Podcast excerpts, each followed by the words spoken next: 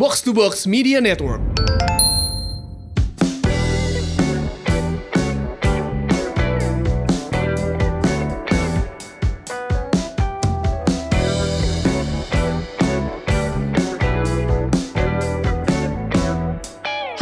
Hai Semurians, welcome back. Ini dia podcast Semur, Sehat Makmur. Podcast yang mengajak kamu untuk sehat jasmani dan makmur finansial. Dan saya Ligwina Hananto, nggak sendirian. Saya bareng sama rekan saya. Hai hai. Halo, ada FX Mario di sini. Halo semua. Kita hari ini mau ngebahas yang lagi heboh-heboh, yaitu Hmm.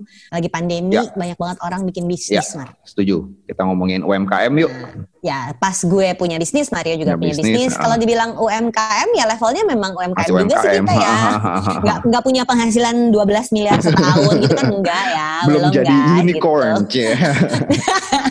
Kita masih cacing tanah. Ah, cacing tanah sedih banget nggak tapi ini em, bisa menghidupi rumah tangga sendiri dan menghidupi rumah Ya. tangga orang lain Ya, dan ya. itu semangat yang pengen kita tularkan lewat eh, gimana mulai bisnis. Ya. jadi topik hari ini adalah how to start a business. Tapi bukan ala-ala motivator ya Win ya, yang tinggalkan pekerjaanmu. bakar kapalnya gitu ya. Terus yang ngasih makan anak orang siapa? Cin gitu kan. Mulai emosi. Mar lu punya berapa bisnis? Gue punya dua. yaitu? Punya satu eh, gym, gym. Infinite Fit Camp, sama satu Hmm. lagi eh, gue punya kue namanya Butter Dream. ya Dua bisnis yang bertolak belakang tapi bisa inline karena kalau kebanyakan makan kue lu gemuk lo olahraga sama gua. Eh gitu enggak gitu ya. sebenarnya saling mendukung Saling mendukung. gue gue punya beberapa gue gue ada QM Financial itu perusahaan yang bikin training finansial eh, selama pandemi kita bekerja online Hmm. lalu ada QM Publishing sebetulnya ini jualan merchandise jualan buku Hmm. bikin konten Hmm. lalu gue ada restoran Hmm. eh, restorannya selama pandemi ini tiarap total Yang itu ya pasta itu, restoran pasta bukan? Iya, Oke. eh, pasta. uh-uh. Dan dan restoran ini eh, selama bertahun-tahun adalah restoran yang menghasilkan duit Iya. untuk bisa nyekolahin tiga anak di private school. Aha, aha, Jadi hasilnya oke banget aha. pada masa jayanya. Iya. Tapi sekarang udah enggak. Ya, ya. Eh, itu bisnis gue dan eh, suami. Hah? Suami gue punya beberapa bisnis. Hmm. Dia itu punya Kinara, Ya. banyak bikin inkubator untuk bisnis, jadi kayak konsultan gitu, Mhm. ngerjain project-project. eh, Spesifik di startup atau enggak sih Win? Iya, iya, iya. Oke. eh, banyak kayak gitu. Kayak misalnya kemarin kemarin dia ada job sama Kinara dan menariknya Kinara tuh udah dikelola profesional, jadi dia udah nggak dalamnya Kinara. Oke. Satu lagi dia tuh partner untuk sebuah venture capital namanya Patamar itu dari Amerika mhm, mhm. dan dan itu dia partner di situ. Mhm. Ininya dia sendiri juga. Berarti punya beberapa, tapi yang sering jadi pertanyaan orang banyak adalah how you start. Ya. Betul. How did you start Mario? I start my gym uh, kan yang punya duluan gue punya gym dulu gitu ya. Uh. Basically because I love fitness. Uh, jadi kalau mungkin kalau kamu ngomong passion ya bener-bener aja gitu ya karena no, no, uh, sebenarnya karena gue suka olahraga dan ternyata gue menemukan passion gue adalah ketemu orang ngobrol dan apa ya I love teaching Win sebenarnya Win gue udah mengajar. Sebenarnya ya, Uh-uh. Jadi sebenarnya ngajar. jadi Ah. bukan fitness ya fitness sebenarnya uh, hobi gue olahraga gue itu yang gue sukain. Tapi gue suka ngajarin orang, uh, gue suka berbagi apa yang udah gue tahu ke orang lain yang ya, uh, kalau gue merasakan benefit dari ini, gue bagi ke lu siapa tahu lu bisa dapat benefitnya juga gitu. Itu yang gue yang gue suka sebenarnya. yang bikin lo balik lagi balik lagi tuh itu Yes. ketika lo bisa ngobrolin soal fitness sama Ya. seseorang Ya. dan itu ternyata bisa dimonetize dengan cara ada bisnisnya Ya. tapi lo start itu kan nggak tiba-tiba bikin gym sembarangan Oh, dong lo enggak, harus enggak. punya kayak expertise yang bisa lo jual dulu. Berarti lo ngambil apa dulu? Gue dulu ngambil sertifikasi Certification-nya mm, buat dulu ya? buat coaching buat coachingnya dulu gitu kan. Karena pendidikan formalnya kayaknya nggak ada di Indonesia cuma ada di UNJ dan gue kayaknya bukan itu kan eh, kayaknya nggak ya itu harus masuk Uh-uh. universitas lagi Uh, ribet. Jadi gue ambil yang ambil, ambil informal, gue ngambil sertifikasi coaching, sertifikasi nutrisi, coaching juga gue ambil beberapa tiga atau empat gitu. Jadi dari berbagai tempat karena mungkin mate, walaupun materinya overlapping, tapi ketika gue udah ngambil di satu tempat, gue ngambil di tempat lain akan ada materi baru yang oh this is something new itu yang yang Nice. yang yang, yang gue selalu dapetin. Mungkin ada beberapa hal sama, tapi ada satu hal baru yang yang bisa memperkaya kita deh. Nah itu jeda berapa lama Mar dari lo mulai ngambil sertifikasi sampai lo bikin gymnya nggak pasti nggak itu nggak bisa dipastiin soalnya kan gue ngambil sertifikasinya kan kalau ada duit gue daftar ada duit gue daftar kan mahal juga kan ya sertifikasi ya jadi Tapi pertama kali lo ngambil sertifikasi itu sampai Infinite Fit Camp Hmm. berdiri ada berapa lama jeda? lima tahun Dua tahun ada? enggak empat tahun lima tahun Hmm, hmm. Empat tahun ya, Iya. ya, ya. Jadi jadi eh, it took time ya. Iya.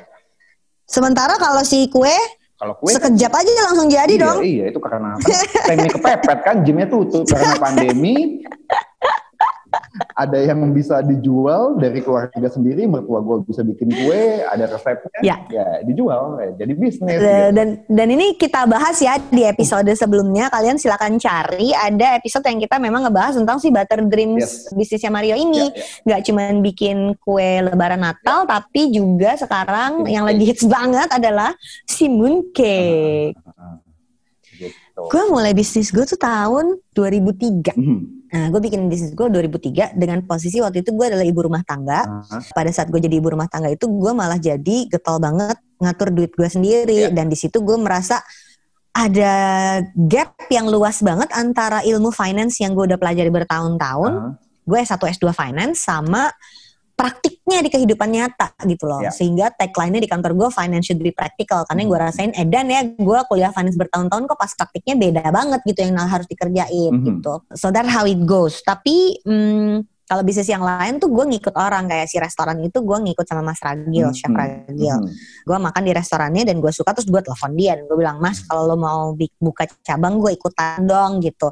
Jadi kalau yang restoran sih gue nggak bisa share ngapa-ngapain karena gue bener-bener jadi investor aja dan Investor langsung aja. menikmati hasil aja gitu. Oke, ini kita Nah. udah udah udah ketemu dua dua poin ya. Jadi bisnis yang lu Iya. kerjain langsung sama sebagai Hmm. investor. Oke. Jadi memulai bisnis itu bisa dari lu punya expertise apa kayak lu Hmm. bi- bikin si Infinite Fit Camp, Ya. lu ada sertifikasi sehingga lu Ya. bisa berpartner sama tim lu untuk Heeh. bikin gymnya. Tapi Ya. kan orang jadi datang karena Mario tuh punya sertifikasi gitu dong, Mar. Ya, kan ya, orang nggak ya. datang. Iya, karena Mario hobi aja angkat besi gitu kan enggak. Eh, terus yang kedua tadi bisa karena kepepet. Kepepet.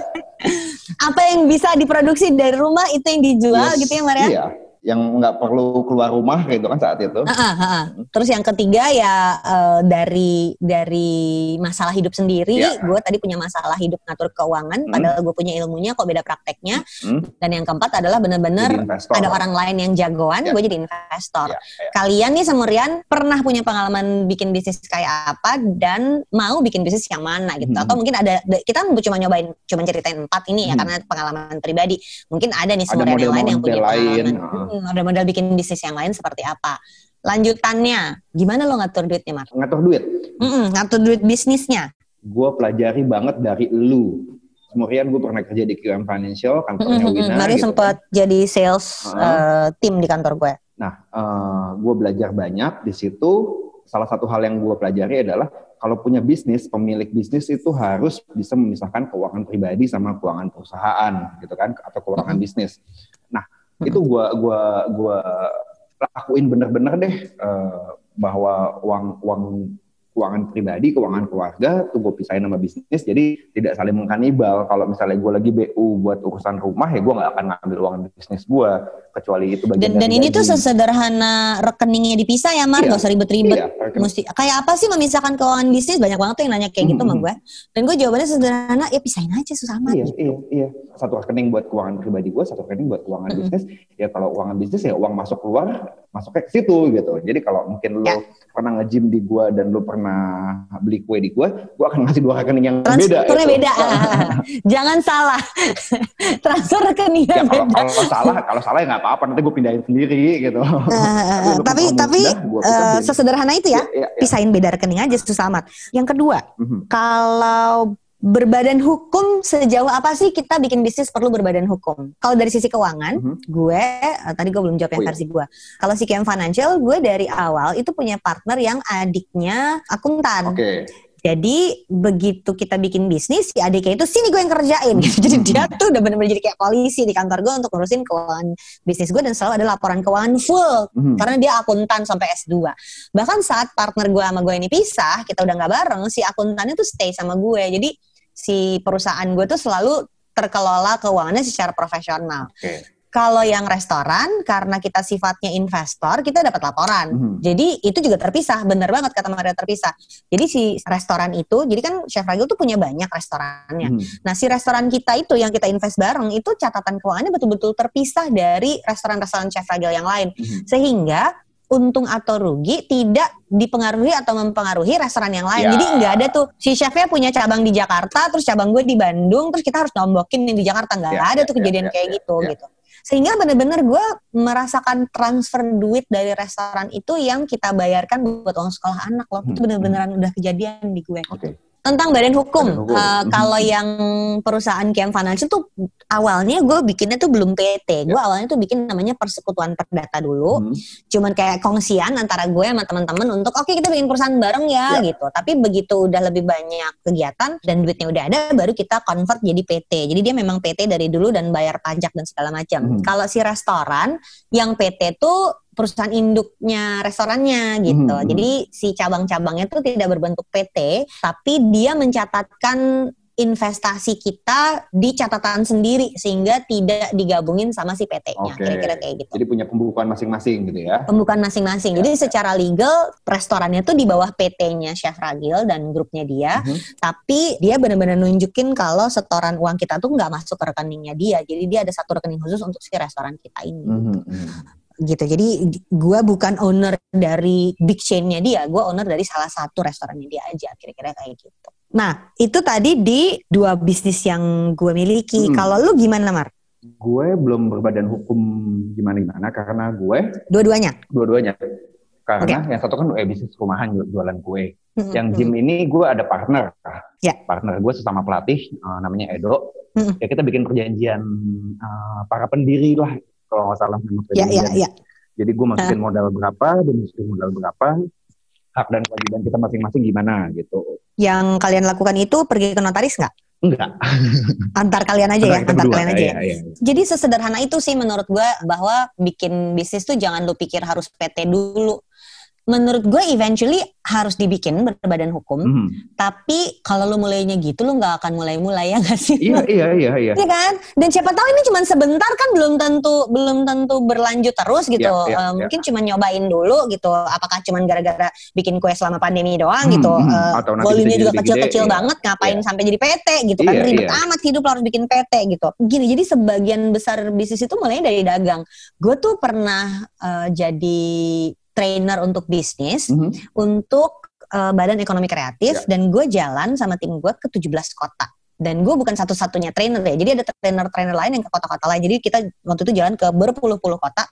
Gue sama tim gue kebagian di 17 kota. Itu dari Banda Aceh sampai Ternate.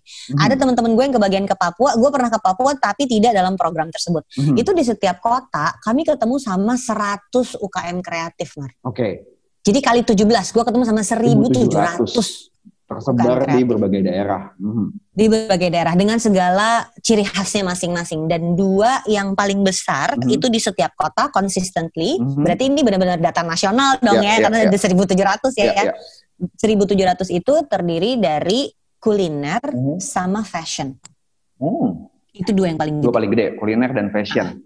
Kuliner sama fashion di bawah-bawahnya karena di daerah beda-beda kayak Jogja tuh banyak banget art and craftnya Oke, peran- nah. Jadi bener-bener yang bikin keris, Mhm. bikin keranjang, kayak gitu-gitu. Mhm. Eh, ukiran, Mhm. waktu yang di Jogja tuh eh, bludak. Jadi gue cuma ada 100 seat, yang daftar di Jogja tuh 800 bayangin. Mhm. Tapi kita cuma punya 100 seat. Kalau di kota-kota lain em, macam-macam ya. Ada yang misalnya bikin kayak madu gitu. Tapi itu kan masih masuknya kuliner Iya. gitu kan. Dianggapnya masih masih makanan. Nah, persamaan yang gue dapat dari mereka tanpa mereka sadari adalah mereka bisa menjawab tiga pertanyaan ini, Mar. Oke, Apa, siapa, bagaimana. oke. Apa, siapa, bagaimana? Kita, bahas Kita cobain ya. masuk ke ke bisnis lo ya, ke Hmm, bisnis lo ya. Hmm. Apa? Apa tuh kita mesti definisiin problem apa yang dihadapi sama pembelinya. Mhm. Coba Mar, pembeli lo Mhm. dari sisi uh, fitness, Fitness. camp, Mhm.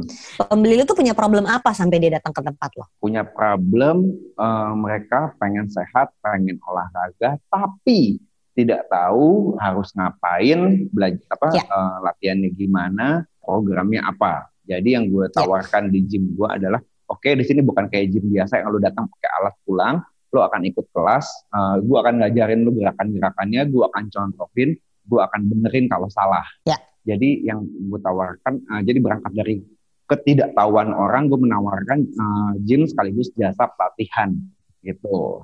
Ya, sama. Gue juga di Camp Financial gitu. Mhm. Kalau di Camp Financial, masalah besarnya adalah there's never enough money. Ya.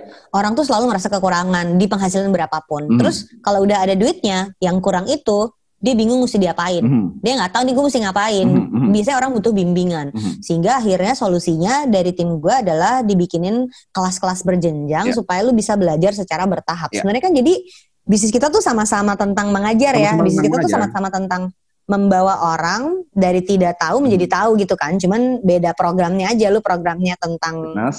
fitness, gue programnya tentang financial gitu. Dan kita bertemu di di, di semur. Nah, sama satu lagi kesamaannya yang kita ajarin orang bisa ngerasain manfaatnya nggak sekarang tapi nanti di masa ke depan Nanti, uh, uh, iya, iya. Abis itu dia bisa kerjain sendiri juga. Yes, abis itu, yes, yes. Heeh, jadi dia punya freedom untuk ya udah abis ini gue kerjain aja sendiri Mhm. PR dari lu Hmm, gitu. hmm, hmm, hmm. Siapanya siapa Mar? Jadi kalau gue dulu gue pernah kerja di agency ya dulu Hmm. ya jadi media planner dan gue waktu itu pegang brand-brand besar, Ya. brand-brand gede, brand shampoo yang zaman dulu nomor satu di Indonesia Ya. gitu.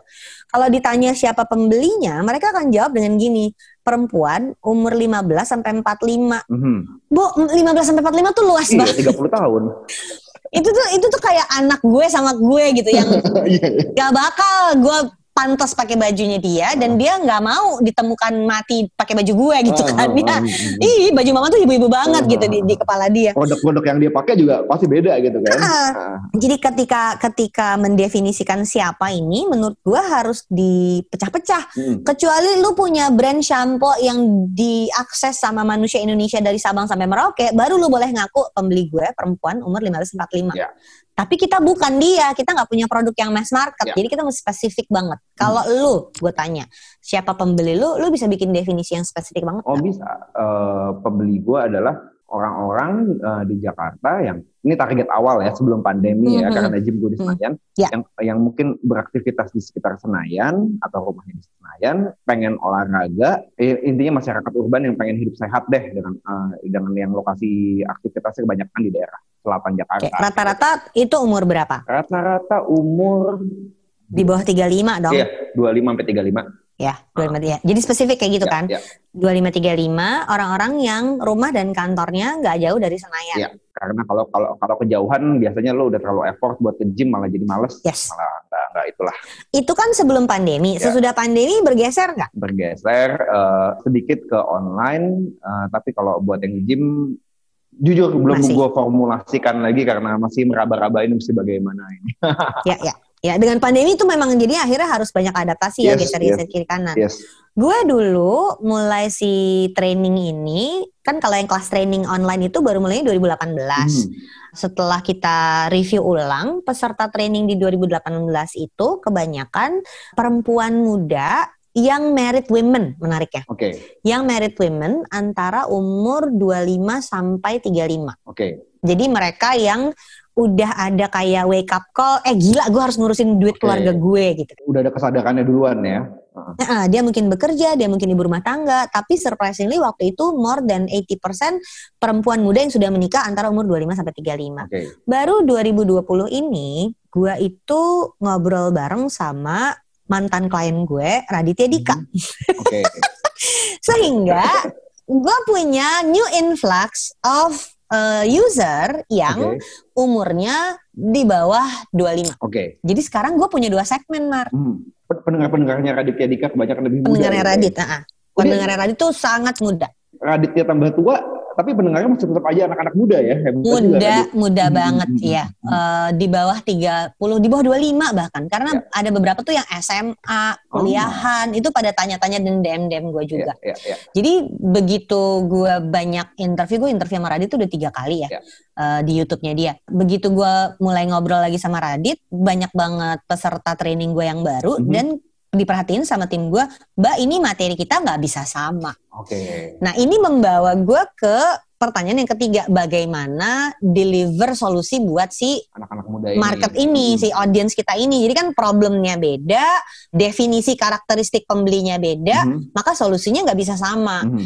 Jadi maksud gue gini loh, um, pengalaman gue mentoring bisnis Mhm. itu fokusnya jangan ke produk, fokusnya jangan ke kita, Fokusnya ke orang, fokusnya ke si pembelinya. pembeli. Tadi kan kita di awal cerita bikin bisnisnya karena kita kan, Iya. lu ada yang karena lu kepepet, karena lu punya expertise, gua karena gua merasa ibu rumah tangga kok nggak bisa ngatur keuangan keluarga, Mhm. gue lihat ada chef jagoan bikin restoran gue ikutan, itu kan awalnya dari kita. Iya. Tapi begitu bisnisnya udah jalan, fokusnya nggak bisa kita, fokusnya harus si pembelinya. Jadi tadi pertanyaannya ada tiga kan, apa siapa, Apa siapa bagaimana. bagaimana? Nah, Apa itu fokus ke problem, berarti Mhm. harus negatif nih kalau problem. Iya. Gila gue sebel ya perut gue gendut harus gitu. iya iya. Gue sebel, gue Iya gak bisa kan? nabung gitu. Gue sebel gak punya duit. Ah, ya, persis harus kayak gitu.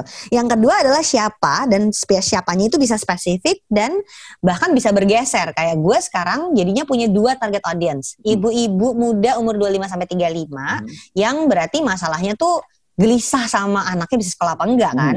Sementara segmen yang kedua adalah si anak-anak muda yang so eager to learn, umurnya di bawah 25 dan bener-bener blank. Ya. Gak tahu apa-apa. Mhm. Jadi waktu sampai ke pertanyaan ketiga, bagaimana baru, deh Baru. produknya kita revisi Uh-uh. ngikutin mereka. Jadi modul-modul gue sekarang pertanyaan-pertanyaannya, komentar-komentarnya itu kita revisi. Gak bisa cuma ngomongin dana pendidikan, dana pendidikan, dana pendidikan buat mereka nggak bisa relate. Iya. Dan bener aja Mar ternyata tiga bulan terakhir kelas yang paling rame di kantor gue itu kelas dana rumah pertama. Kelas basic ya justru ya. Asli gila. Dana rumah pertama tuh pesertanya bisa 176 orang. In a flash cepet banget kejualan. Wow. Yang artinya kan ini orang-orang yang nggak bisa beli rumah besok. Uh-huh, uh-huh. Tapi gue pengen tahu gimana sih caranya gue takut deh nggak bisa beli rumah. Pas dilihat umurnya di bawah 25 semua, Mar. Ah, I see. Bisa nggak dibilang gitu. bagaimana ini sebenarnya menjawab eh, apa dan siapa ketika digabung jadinya bentuknya Yes. bagaimana, Iya kan? Mm-mm, mm-mm, persis. Ketika ada ada ada suatu problem, ada solusi. Nah, untuk nyampe dari problem ke solusinya ini pakai bagaimana ini gitu ya? Persis. Makanya kita Ah. jangan fokus ke produknya. Bayangin ya, Ya. kalau gue fokus mau ngomongin dana pendidikan doang Mhm, dan mhm, melupakan siapa orang yang gue ajak yang dengerin ngomong, lu. Ha, ha. yang dengerin gue ini orang baru ternyata, yang boro-boro ngomongin dana pendidikan punya pacar aja belum gitu kan?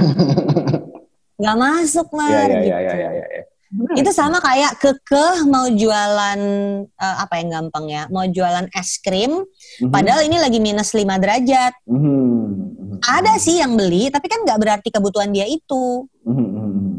Ya, Dan ya. biasanya orang Indonesia sih. Lu pergi ya ke kota apa aja pas lagi winter minus yang ngantri es krim tuh orang Indonesia. Ya sih, benar juga sih. Ya enggak, Iya, iya, apa iya, itu iya. gue doang. Lu gitu enggak? Iya, ini iya, ini iya. enggak enggak ada hubungannya sama topik kita hari ini, tapi maksud gue Enggak enggak. Itu benar waktu gue terakhir kali ke Jepang juga eh, lagi hujan Iya kan? lagi hujan yang ngantri es krim orang Indonesia ya. Gue berapa kali Pasti. de- depan gue orang Surabaya gue inget kok.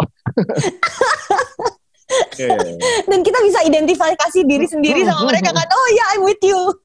iya, iya. Nah, anyway, jadi gitu Mar. Ternyata bikin bisnis itu memang awalnya tuh tentang kita, Tentang kita. tapi begitu udah jalan, Ah, jangan lu masuk ke dalam perangkap it's all about me Ya. karena kalau lu masuk ke dalam perangkap itu akhirnya kita nggak bisa jualan Ya. karena lu fokus terus sama sama apa yang lu bisa Iya, kerjain iya, iya. gue pernah kayak gitu dulu Hmm. dan akhirnya gue terperangkap dan nggak bisa bergerak lagi bisnisnya begitu gue mentor gue pada ngomong coba periksa pembeli lu tuh siapa gitu begitu dilihat pembelinya ternyata eh, korporasi semua Ya. ya ngapain kita fokus ke yang begitu baru deh kita oh ya kita harus ganti nih mari kita identifikasikan ulang sama nih kayak gini juga selama pandemi ketika topik-topik yang baru malah naiknya lebih cepat Mhm. adaptasinya tuh jadi harus cepet kan Iya, iya, anak-anak kantor gue tuh langsung mbak topik yang rame tuh justru bukan yang dana pendidikan tapi yang dana rumah Rumah pertama tamak. oh Hmm. berarti mereka yang yang mereka butuhin bukan itu dong yang mereka butuhin topik yang memang Relate Untuk sama mereka. fresh graduates Ha, ha, ha, ah, ah, untuk fresh graduate yang berarti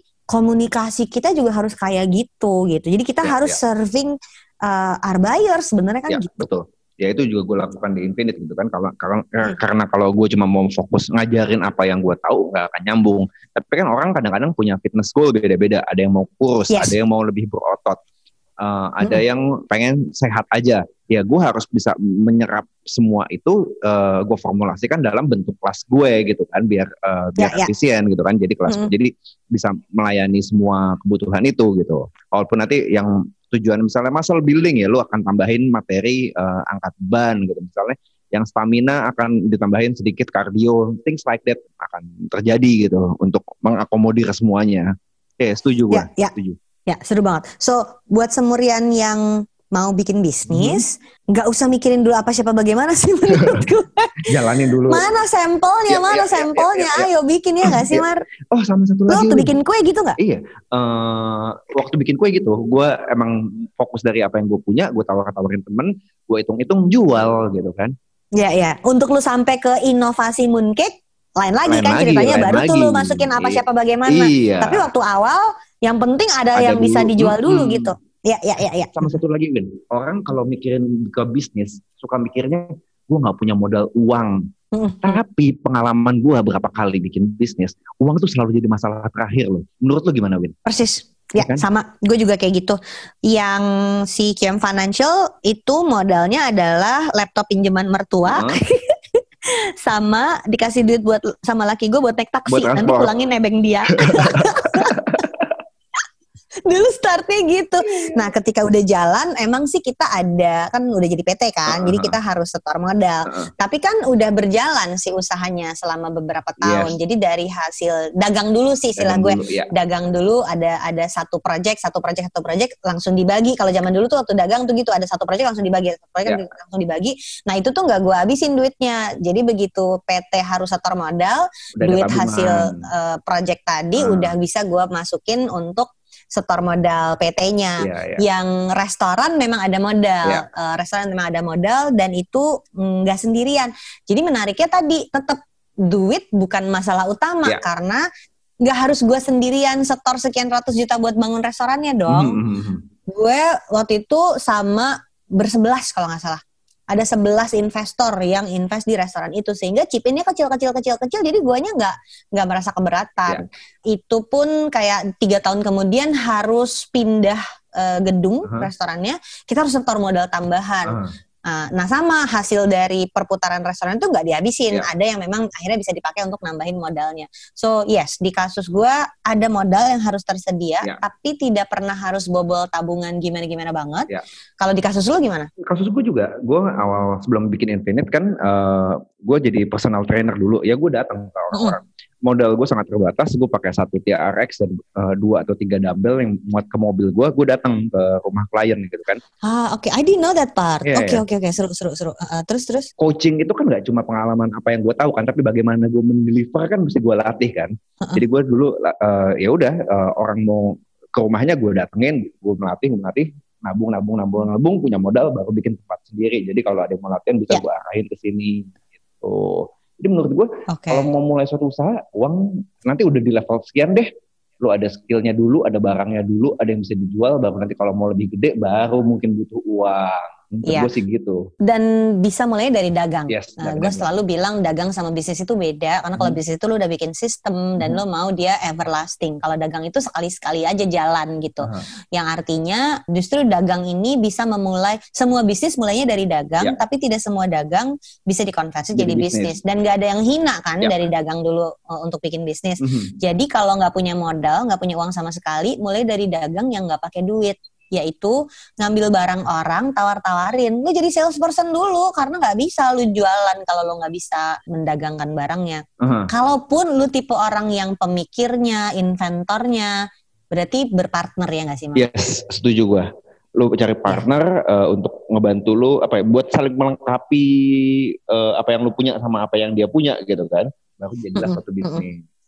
Oke, Semurian tadi itu perbincangan gue dan Wina masalah UMKM, apa, siapa, dan bagaimana kita bisa memulai suatu UKM.